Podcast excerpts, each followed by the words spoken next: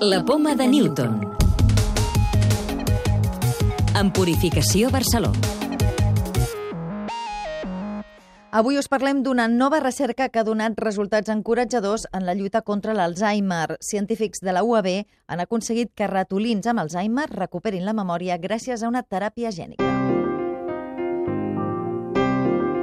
Aquests investigadors han localitzat una proteïna essencial per evitar la pèrdua de memòria i han comprovat com injectant directament a l'hipotàlam dels ratolins el gem per produir-la es reverteix la degeneració neuronal provocada per la patologia. Carles Saures, el director de la investigació. El que es va observar és que hi havia una sèrie de gens que estaven eh, modificats, gens que són importants per la funció de les neurones i per la transmissió nerviosa i que estaven afectats en els primers estadis de la malaltia d'Alzheimer, això amb ratolins, però també després es va comprovar amb mostres humanes, i van trobar eh, la proteïna que regulava aquest, aquests gens. Llavors el que van fer va ser intentar recuperar la funcionalitat d'aquesta molècula, d'aquesta proteïna, mitjançant una teràpia gènica, de manera que nosaltres expressàvem aquesta proteïna i a la vegada induïem l'expressió d'aquests gens. Això va provocar que en aquests ratolins que tenien ja dèficits cognitius, aquests dèficits cognitius disminuïssin i es revertís l'efecte de eh, la patologia la investigació obre la porta al disseny de nous fàrmacs per revertir o aturar la pèrdua de memòria en l'Alzheimer. Almenys aquest tractament és efectiu en els estadis inicials. En estadis avançats podria tenir, si no revertís totalment la patologia, sí que podria tenir efectes eh, positius en recuperació de part de la memòria. A nivell humans, la teràpia gènica és més difícil, sobretot eh, en un òrgan com el cervell, perquè en el cervell sí que es podria inocular el mateix gen, però això requeriria una cirurgia que en el cervell podria tenir altres efectes.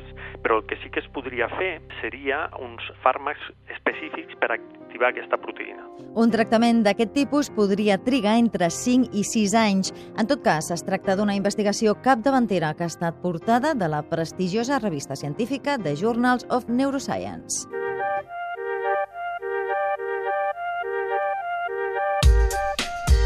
També destaquem que un estudi internacional aconsegueix seqüenciar el genoma complet d'unes restes atribuïdes a Lluís XVI. L'estudi, en el qual han participat el Centre de Biologia Evolutiva, la Pompeu Fabri i el CSIC, conclou que les mostres no corresponen al rei francès. L'estudi pot ser útil per l'ús dels genomes complets en medicina forense. Científics espanyols aconsegueixen imatges d'una de les supernoves més pròximes a la Terra dels últims 400 anys. La supernova es troba a 12 milions d'anys llum de la nostra galàxia i s'ha descobert aquest any. Ara, per primera vegada, investigadors de Granada n'han aconseguit imatges. La supernova provoca tanta lluminositat com una galàxia sencera. L'àcid úric pot millorar les seqüeles després d'un infart cerebral. Així ho apunta un estudi de la unitat d'ictus de l'Hospital Clínic de Barcelona. Aquests investigadors han comprovat que l'àcid úric podria ser el primer fàrmac neuroprotector perquè redueix el risc de seqüeles 3 mesos després d'un ictus. La clau de volta. Perquè els nostres ulls poden veure correctament objectes situats a diferents distàncies? Montse Capdevila, de l'àrea de Ciència i Medi Ambient de l'obra social La Caixa. El cristal·lí és un component de l'ull que té forma de lent convexa per les dues cares i està situat entre l'iris i davant de l'humor vitri.